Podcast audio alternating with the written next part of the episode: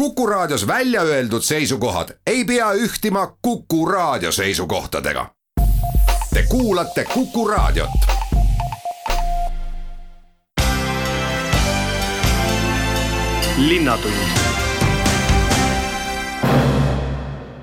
Tere kuulama saadet, mis esmalt räägib Estiko rohelise aasta tegudest, mis nad on juba teinud ja mis on veel mõttes ja plaanis, siis läheme Tartu parkidesse ja puiesteedele, sellepärast et on ilmunud sellesisuline raamat, saate teine pool läheb käima elurikkuse laiendamise ja hooldusega ja lõpetame ühe auväärt sõiduriista Ikaruse taastamisega. kuulamist ootab kuus intervjuud, need on teinud Madis Ligi Estika Grupi tegevjuht Kristo Seli, kas kiletootmine käib teil rohelise energiaga? kiletootmine käib meil osati rohelise energiaga praegu ja lähinädalatel oleme sajaprotsendiliselt roheenergiat kasutamas, millest tegelikult äh, täitsa arvestatava protsendi me toodame ise katusel olevate päikesepaneelidega. nii et äh, need vihmased ilmad on teile nuhtluseks äh, ja päikselised jälle kiituseks? täpselt nii, et mida rohkem päikest, seda parem meile ja rõõmsam tuju kuid äh, peale kiletootmise on Estika Grupil ju ka mitmeid muid ettevõtmisi ning Raadile tahate suisa päikeseparke teha, nii et äh, see osakaal äh, siis, mis päikesest tuleb, järjest kasvab. just nii, et tegelikult me rohelist energiat kasutame enda grupis täielikult juba varem, kui meil endal saavad kas näiteks Raadi päikesepark või muudest päikeseparkidest taastuvenergia tootmine valmis, aga, aga jah, et äh, kindlasti ühel päeval me oleme, oleme sellises seisus, kus me kõik enda kasutatava energia ka ise päikesepaneelide abil toodame. panete taskukatusele ka või pleskule? Taskukatusel tegelikult on juba päikesepaneelid ja täitsa arvestatav hulk tasku kasutatavast elektrienergiast tuleb siitsamast äh, taskukatuselt. läskukatusel sinna on natuke keerulisem panna. kas äh, see majanduslik pool on Estikor Grupi enda rida või saate mõnest äh, abifondist ka toetust päikeseenergia rakendamiseks? Oleme saanud ka toetust, aga, aga mis puudutab meie, meie kõige suuremat arendust ehk et Raadi päikeseparki, siis, siis eh, selles osas eh, on erinevad stsenaariumid veel lahtised, aga, aga ma usun, et siin lähiaasta toob kindlasti selgust jätkan teemat juba kommunikatsioonijuht Jaan Olmaruga. Te olete valinud oma roheliste sammude tutvustamiseks tänase rahvusvahelise mesilaste päeva. kui usinad mesilased siis Estika Grupis on, mis annab kinnitust, et tõesti neid rohelisi samme olete nii palju teinud, et nüüd katusel lööte programmi lahti? Liidia hotelli mesila on tõesti üks rohelistest tegudest, mida me sellel aastal oleme siis ellu viinud aga roheliste tegude aasta jooksul oleme me jõudnud juba päris palju ära äh, teha. no alustades sellest, et me oleme oluliselt parandanud oma prügi sorteerimise võimekust, äh, me oleme siin üle minemas rohelisele energiale, alles eelmisel nädalal Estiko töötajad ähm, käisid ühisel metsaistutustalgutel ja, ja neid rohelisi tegusid on veel ja veel, no taskus näiteks avati uus kasutuskapp ja, ja, ja kõik ei tulegi kohe meelde. aga mesilaste idee tuli meil ähm, siis, kui me seda roheliste tegude aasta ürituste kava hakkasime äh, kokku panema ja tegelikult ega noh, olgem ausad, ega linnamesilaste pidamine ei ole nüüd midagi eriti originaalset, et see üle maailma on üsna populaarne. ma tean, et Tallinnas presidendi roosiaias on mesilased, Tallinna Ülikooli katusel, Tallinna botaanikaaias, aga ma ei ole kuulnud, et Tartu Tartus äh, oleks mõni ettevõte oma äh, kas siis äh, büroohoone katusele näiteks mesilasi pannud, et nii et selles mõttes võib küll öelda, et need on esimesed ametlikud Tartu linna mesilased kuid arvestades seda, et Estika Grupp ei toimeta mitte üksnes siis kiletootmises, vaid teil on mitmel pool ka kinnisvara, kas siis need roheliste tegude aasta ettevõtmised haaravad kogu kontserni? jaa, absoluutselt. et need ühised üritused ja ettevõtmised on mõeldud kõikidele Estiko kontserni ettevõtete töötajatele, on need siis Dorpati hotelli inimesed, Liidia hotelli inimesed, Estiko Plastari inimesed Estiko kinnisvarast. et see ongi selle eesmärgiga ellu kutsutud, et, et kõik saaksid sellest osa ja saaksid sellesse ka omal moel panustada nagu päikeseenergiat igaüks toota ei saa, siin tuleb äh, loota jah, nii-öelda laiemale ettevõtmisele, siis prügi sorteerimises on igalühel nii-öelda käsi sees, ehk see, mis töökohas saab omaseks, jätkub hiljem ka kodus või maakodus. sa juba viitasid sellele, et teil on prügi sorteerimine nii-öelda uue järje peal, mida see sisuliselt siis tähendab,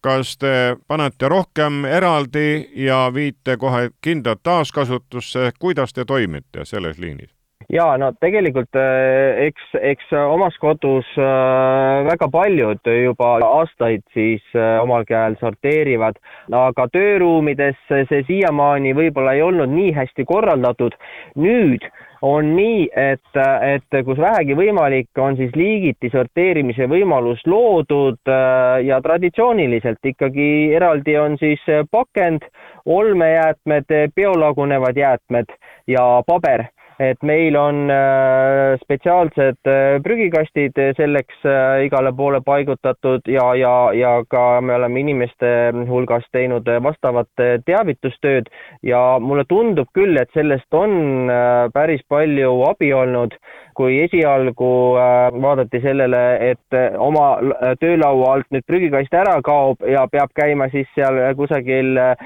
kompleksse prügikasti juures siis seda prügi viimas, siis nüüd, nüüd on kõik sellest aru saanud ja see ei ole enam mingisugune ebamugavus üheks võimaluseks on ju ka linnaruumi vähem saastada, kuna Estikos on tööl palju inimesi, kas siis auto tasemel on nüüd firma andnud inimestele jalgrattad, et nad saaksid vändata ja õhk oleks puhtam? muideks Estiko pälvis, äh, vist eelmisel või üle-eelmisel aastal ka äh, rattasõbraliku ettevõtte tiiti. Äh, see tähendab seda, et, et rattasõit on meil olnud au sees juba, juba ammusest ajast peale, aga tõepoolest roheliste tegude aastal oleme me äh, nii-öelda rattatransporti veel rohkem propageerinud, kui meil on olnud siin ka mõned äh, ettevõttesisesed konkursid, võistlused, siis näiteks üks auhindadest oli seal ka aastase siis Tartu rattaringluse priipääsme saamine ja, ja lisaks oleme me pannud ka käima Estiko rohelise auto ehk siis äh, meie kirjadega sõidab Tartus ringi äh, Mitsubishi elektriauto ja, ja see on ka kõikidele töötajatele antud siis äh, kasutamiseks, et kui sul on vaja väike linnasõit kusagil teha, siis sa ei pea seda tegema oma bensiini- või diisliautoga, vaid selleks on siis elektrijõul sõitev masin. kas kõik need sammud, mida te olete juba teinud, on lihtsalt teadlikkuse tõstmine ning ajavaimuga ühte sammu käimine, kasutamine või annab see Estikole ka majanduslikku tulu, kokkuhoidu? kindlasti mõlemat, ühelt poolt äh, me soovime oma inimesi harida, nende käitumisharjumusi muuta, aga kogu maailm liigub ju ikkagi selles suunas, et äh, ükskõik, mis äri sa ajad, äh, ükskõik, mis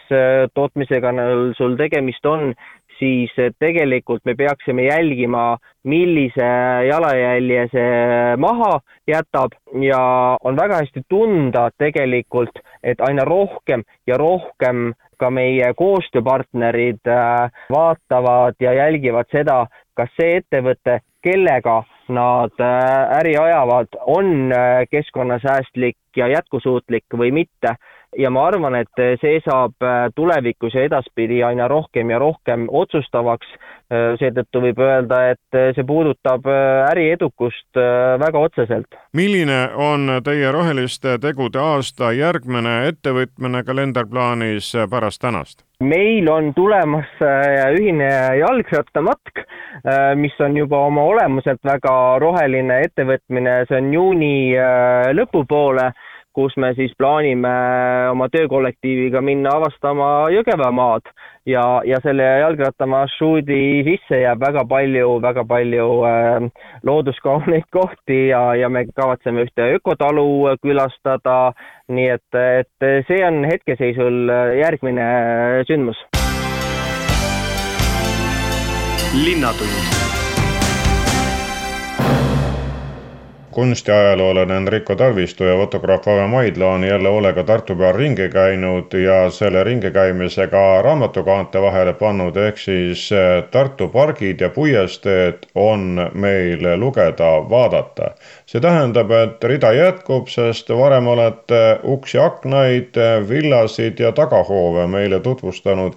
või taastutvustanud. nüüd siis Tartu kui roheline linn. kui ajas tagasi vaadata, mis ajast peale on Emajõe räägitud kui rohelisest linnast? no e, üritangi selles raamatus, eks ju, seda anda niisugust ajaloolist tagasivaadet, sellepärast et see endine kindluslinn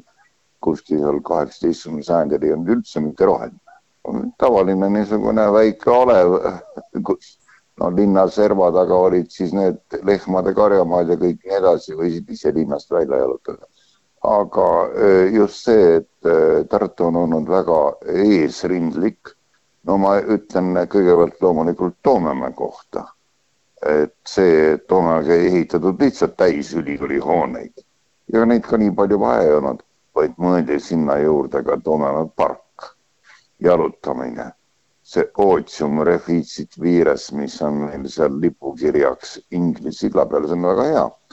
aga ka hiljem, eks ju, Oettingenide äh, seltskond, kes siin Tartu lähedased mõisnikud, olid ülikooli professorid ja linnapead ja nii edasi, kes äh, hakkasid mõtlema, et oot-oot-oot, et aga mis meil siis saab sellest, eks ju, Emajõe äärest äh, ehk praegu ühest Vabaduse pargist või siis see kividega kaetud Barclay platsist ja see on üsna varane, see on Tartule täitsa suur niisugune, eks see tähendab äh, äh, ütleme mm, kinnitus selle kohta, et mõeldi selle peale, et linnas peab olema rohelist. nii et ei, see, et Tartu on praegu üleni ainult täiesti roheline linn, kui vaadata seda näiteks kusagilt sealt raamatu lõpus olevatelt fotodelt Narva maantee vihikate katustelt, no maju ei ole näha ju üldse aga, aga see on, see on eesrindlik Tartu olnud üheksateistkümnendal sajandil. Ja noh, tänapäeval,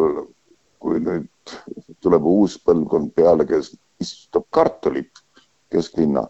noh, võib-olla see on uus lahendus. aga, aga jutt on ikkagi sellest, et, et parke planeeritakse ja kuidas seda on läbi aegade tehtud, see on niisugune teelauaraamat teemal,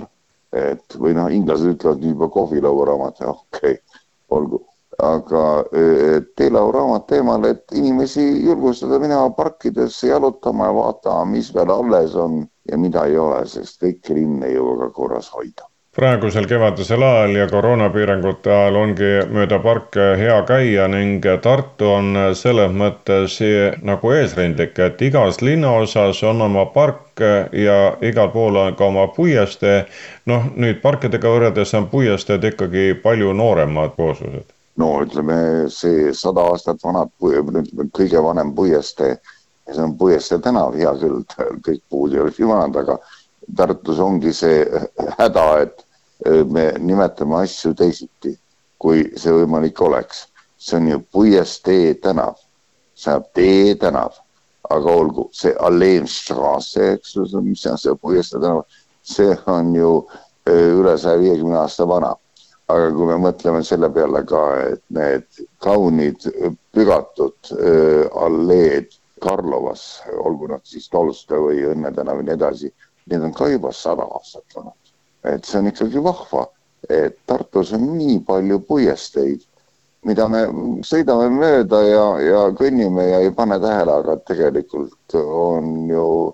väga head. nii et äh, puiesteed kuuluvad, eks, ühe linna juurde. tänapäeval tehakse neid küll järjest vähem.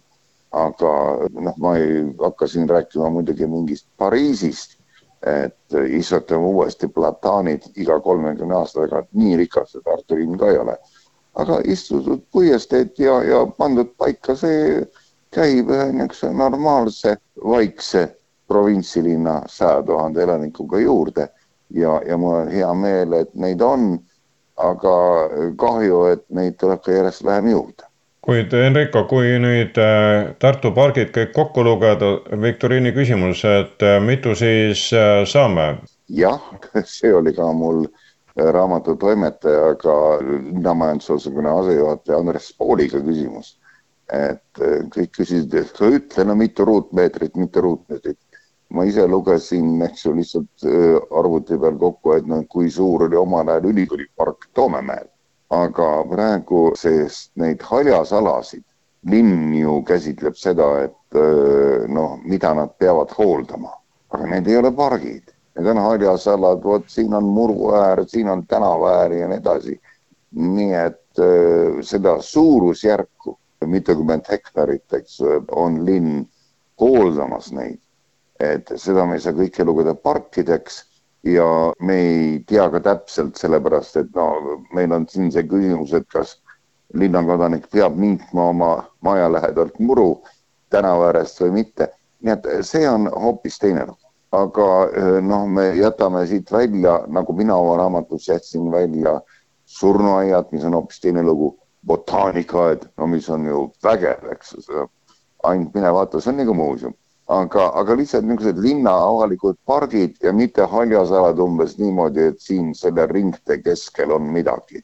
vaid öö, mõte oli selles lihtsalt, et inimesi öö, tutvustada nende parkidega, mida nad võib-olla isegi enam pargiks ei pea, aga et minna sinna jalutama ja vaadata, ahaa, vot näete, siin Forseliuse gümnaasiumi ees on see kivi või see teine asi on kuskil seal igal juhul eh, tänu teie raamatule saame siis eh, targemaks eh, või saame ka linna pidi käia ning vaadata siis, mis oli vanasti ja mis on nüüd, kuid kuidas teie sari siis edasi läheb? mis tuleb peale raamatut Tartu pargid ja puiesteed? Tartus on ikka teemasid õige mitu, millest tuleb rääkida, enne kui asi ära vaibub. et see pargid ja puiesteed oli nüüd üks niisugune vahepeatus ja mõned noh, niisugused ütleme, järgmised rajajooned on paika pandud, aga ei maksa ju lugejale arvata, et äh, siinkirjutaja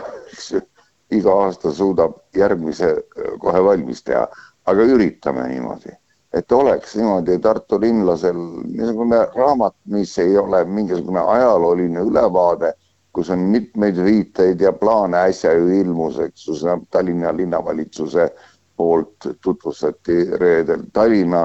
parke ja haljastuid, uut raamatut, noh, kuussada lehekülge.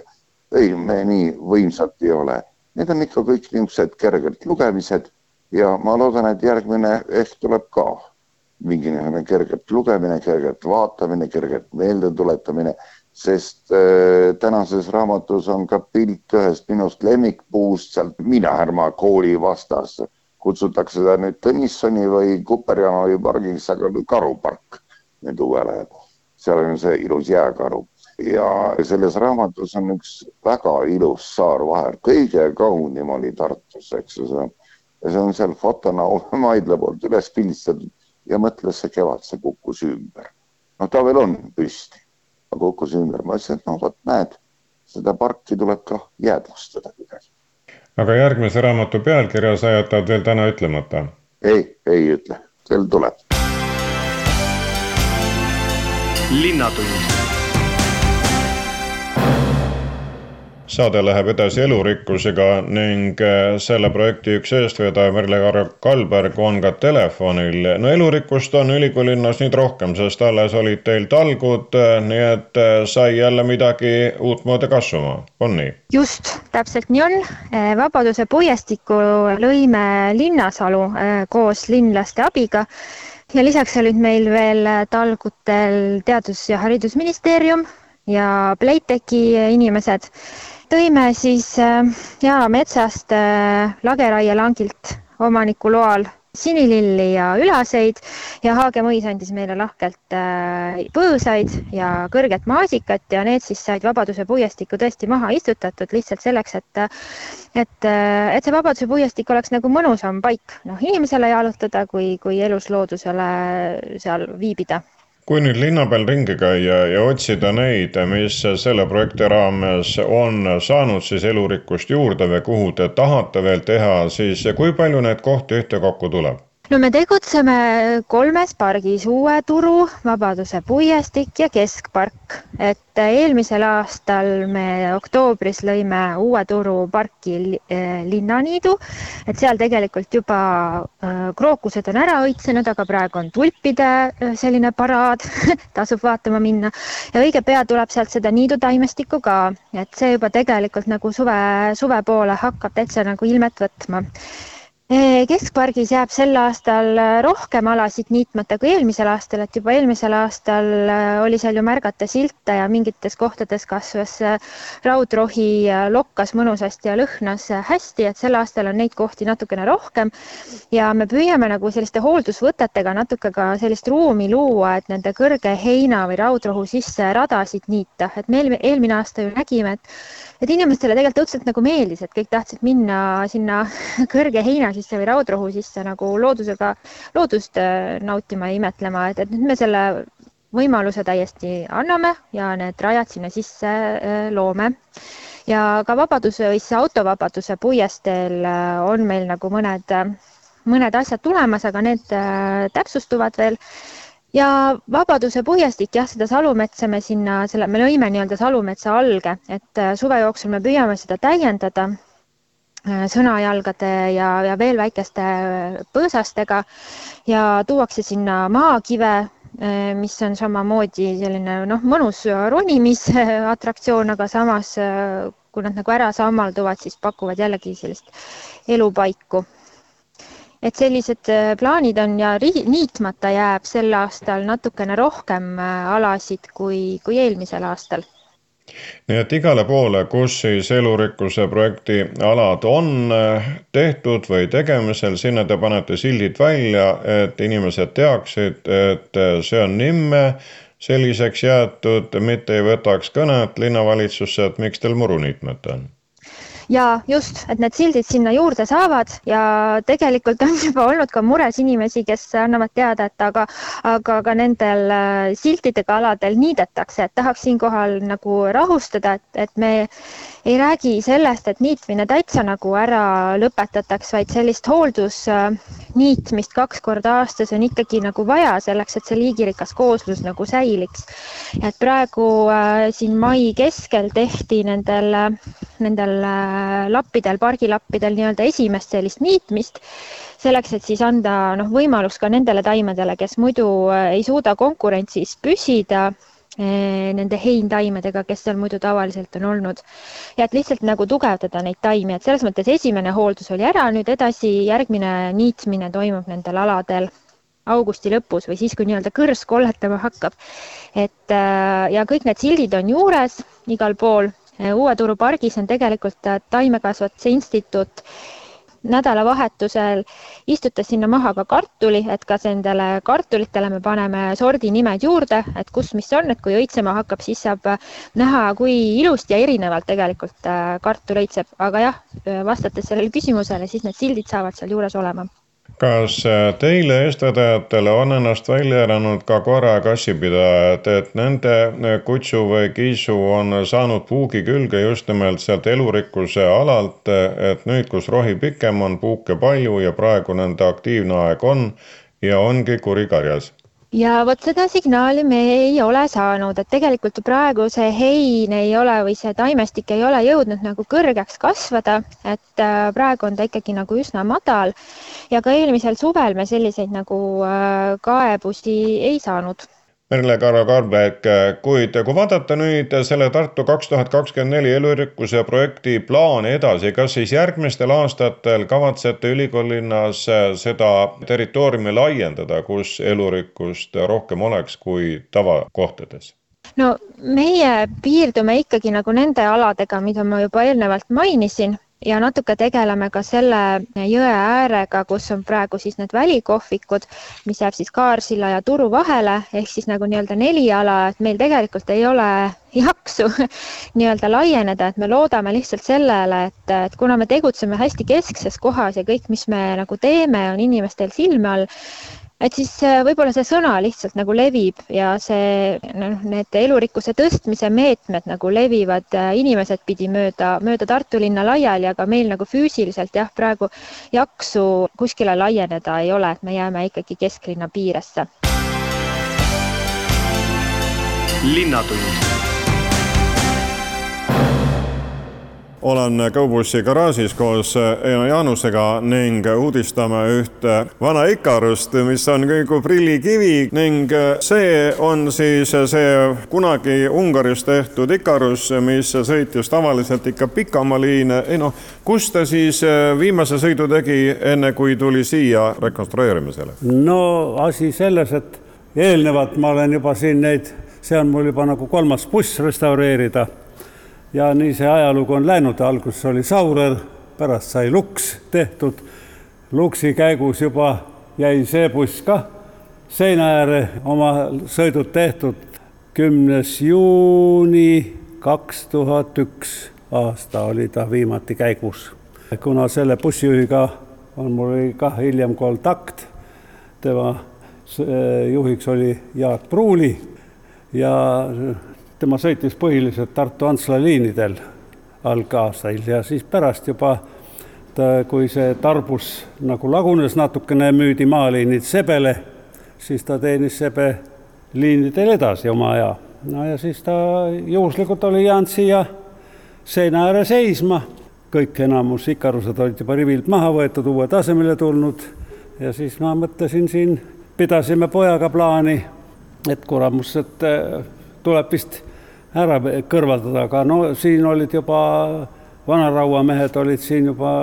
puhta töö teinud, luugid olid kõik ära võetud, liistud ära võetud, kuna need on alumiiniumist. Läks vaja? Läks vaja rahaks teha jah, see aeg oli selline, et mis ripakil oli, see võeti ära. siis mul oli võimalus ühesõnaga sebemeeste käest küsida ära, et noh, et kui te vanarauaks, et ma võtaks ta ära ja siis lükkasin ta aeda ja siis seisis ta kümme aastat seal aias veel väljas, niikaua kui ta noh, oli võimalik luuke saada veel Tallinnast siin hiljem kokku lepitud sõpradega, et näed, buss on, aga ei ole neid asju ja, ja, no siis üks äh, Tallinna sõbrad mul siin bussikoondises Tallinna ja teadsivad, et ahah, mul üks sõber kannab selle Ikaruse maha, et sealt saab luugid ja ma mõtlesin, et no need tuleb kohe ära tuua. Ja järgmine päev tõmbasin kohe Tallinnasse autoga ja luukidele järele teeme luugid ära. nii et noh, siis oli nagu tagavaraks komplekteeritud juba üht-teist, mis oli puudu ja siis võis juba hakata mõtlema restaureerimise peale mis ta lihtsalt seisis äh, ja liinil enam ei käinud, jõudis juba üht-teist ka roostetada, noh, mõni kutsus neid akaariumbussideks vanasti, olid ju väga pikalt käigus, et mäletan bussipargi aegu ikkagi tehti neid, kui oli miljon kilomeetrit läbi sõitnud, palju see jõudis vurada, enne kui ta pensionile jäi? see jõudis vurada miljon viissada tuhat seitsesada nelikümmend kilomeetrit kui palju sa pidid täiesti uusi osi otsima, et buss oleks ikkagi selline, sest praegu on ta nii, et äh, võta reisijad peale ja mine liinile, ta on ja. täiesti korras nii tehniliselt kui ka väljanägemiselt. näed, istmed terved ja istu sisse. istme sisse ja ma sõidan, no Äh, algusasi oli ikka, kui me ta võtsime Einariga kahekesi, hakkasime lämmutama, maha võtsime plekid kõik ja, ja aknad eest ära kõik ja, ja no ta nägi ikka väga õnnetu välja, no kuna ta seisis veel kümme aastat veel niisama siin äh, lageda taeva all, nii et no ikkagi alt oli väga kurb vaade, et mul on tehtud tema kohta päris suur album, kus on mitusada pilti on olemas ja seda võib veel vaadata seal ja kommenteerida asja, missugune ta välja nägi ja, ja siis kuidas teda siis on tasapisi ja teda on nüüd praktiliselt kaks tuhat üksteist hakkasime tegema ja nüüd on täna jõudnud nii kaugele, ütleme juba ja tahab veel natukene ühte-teist siin lihvi saada, aga ma olen rahul ja ma arvan, et kes julgeb ette võtta, teeb paremini, andku minna number on tal küljes, järelikult proovisõit on ka tehtud, nii et võib välja minna küll, aga ta nii vana ei ole, et oleks uunikukirjadega numbri saanud. jah, kuna mina ta taastasingi praktiliselt selle mõttega, et, et ta kõlbab uunikuks ja, ja ma usun, et see kolm aastat ta peab veel vastu, siis kui tuleb tema kolmkümmend viis aastat täis saab, siis me kindlasti esitame ta juba musta numbri väärilisena, kuna ta saigi nii restaureeritud, et ta on täitsa selleks kõlbulik kas esimene sõit on ka juba tellitud? liininumbrit muidugi ei pane siia akna peale. on nüüd juba teised bussid hoopis mugavamad, kui see omal ajal Ungaris töötab? no ei, tellitud praegu ei ole veel, kuna ta ei ole nagu ekspluatatsiooni antud, kui me ta eksport siis teeme talle nagu esmaesitluse, kutsume sõbrad kokku, las hindavad, las vaatavad, noh, eks me siis teeme ka sõidud. Ikarus Lux on siin ja. kõrval ja on seal seal taga on veel, veel mõni buss või? üks veoauto on seal, mis klubi oma meil Sild sada viiskümmend seitse. kõrval, kõrval on juba sinu oma sõidumasin, no eks aastakümnete jooksul on neid ikkagi päris palju sul olnud. mitmele autole sa oled elu sisse puhunud uuesti? oo oh, jaa, vast sõrmede peale vist ei olegi ruumi lugeda nii et neid on ikka saanud ja no mõnuga vaatad ikka, kui sa ikkagi kaks-kolmkümmend aastat vana auto või ütleme, korra siis selle mootori tuksuma saad, siis ikka on ikka tunne, et noh, näed asi on edasi läinud. vanade sõiduautode omanikel on klubi olemas ja nad teevad oma kokkutulekuid. kas nendel meestel, kes on bussid ära remontinud, sõidukorda teinud, on ka oma ühendus või nad kuuluvad Unicumi alla ühe tiivana? No kõik me üritustel ikka võtame osa bussid kui ka kõik Unicumi suurematel üritustel ja see aastagi oli plaan minna. eelmine aasta me käisime Luksiga, näiteks käisime Balti keti, sõitsime läbi, alustasime ju sealt äh, Vilniusest ja siis tulime Tartu välja Tallinnasse ja Tartu tagasi, nii et see, see sai nagu Balti keti aastapäev oli ja ja siis olid Riia bussid olid osa väljas, Läti bussid ja, ja kes liikusid meiega kaasas ja nii et äh,. ajalugu. ajalugu jah, ikka sõidetud sai ja käisime kõik väikse autoga käisime ära ja kõik tegime tiiru ümber vana Balti keti radu kui see punane-valge lahendusega Ikarus, eh, vana jah, nii-öelda kaugliinide buss on eh, nüüd eh, nii-öelda teinud läbi uuesti sünni, siis need kollased Ikarused sõitsid ju linnaliine. kas kõhubussi kusagil garaažis või õuenurgas on mõni selline buss olemas, mida saaks ka siis taastada? kahjuks ei ole neid järgi jäänud, ei kõubussil, ei kuskil, küll veel erakätes kindlasti on ja, ja siin üks äh, kolleeg oli siit Venemaalt, Ukrainast toonud ühe kollase, nii et see hakkab ka liikuma, aga see ei ole ka nii vana, et veel musta numbrit saab, et tema on alles üheksakümnendate aastate buss, aga noh, see hakkab ka liikuma ja eks ta